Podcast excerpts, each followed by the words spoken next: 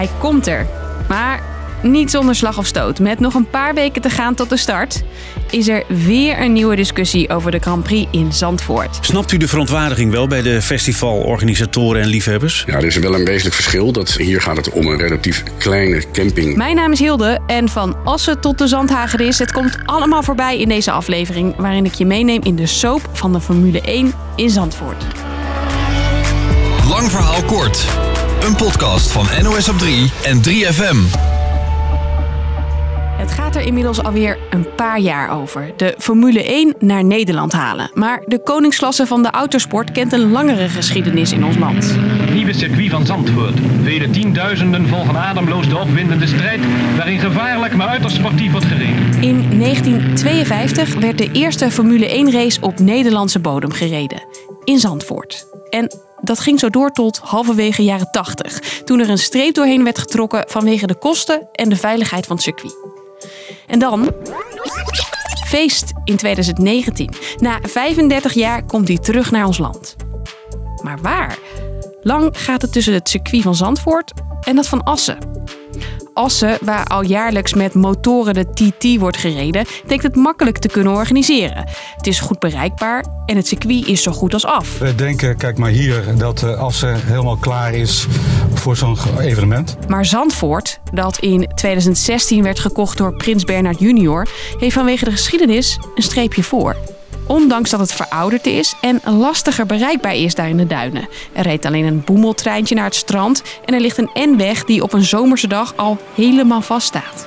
Maar de sentimentele waarde van het circuit draagt er uiteindelijk aan bij dat na jaren lobbyen in 2019 de badplaats wint. We're going to be racing in, in Zandvoort. Er wordt hard gewerkt door de organisatie om alles rond te krijgen en de miljoenen die het gaat kosten bij elkaar te schapen. Maar de kans dat het niet doorgaat, die, uh, die sluit ik eigenlijk wel uit.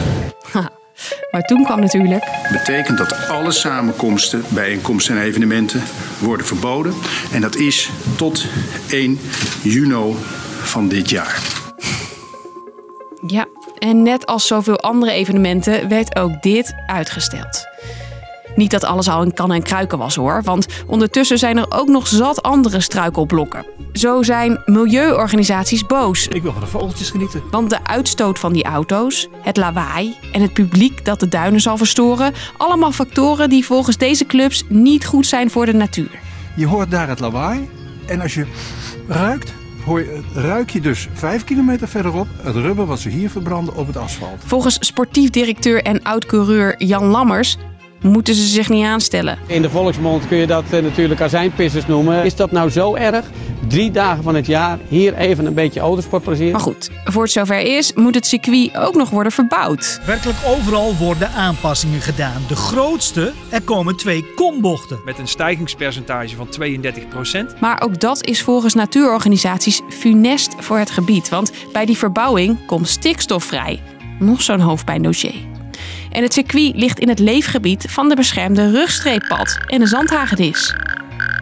Maar besluit de rechter begin deze maand nog eens: het race-evenement mag doorgaan. Want het belang van de topsport weegt zwaarder dan dat van de beestjes. En het is lekker voor de regionale economie en het toerisme. Fans zijn dolblij. Het blijft gewoon uh, ongelooflijk. En uh, straks de beelden, de zwarte baan en daaromheen één oranje zee. Gekkigheid toch? Dat uh, krijg ik van, van uh, tot aan mijn kruintje.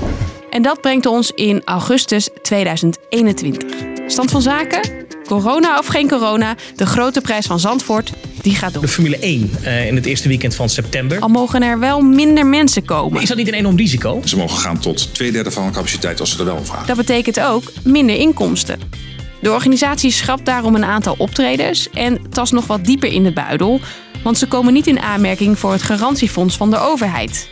Maar zeggen ze, we zien het als investering. Hopelijk kunnen we deze race de komende jaren blijven organiseren. En er komt een camping. Oh, wacht eens even, denkt de evenementensector.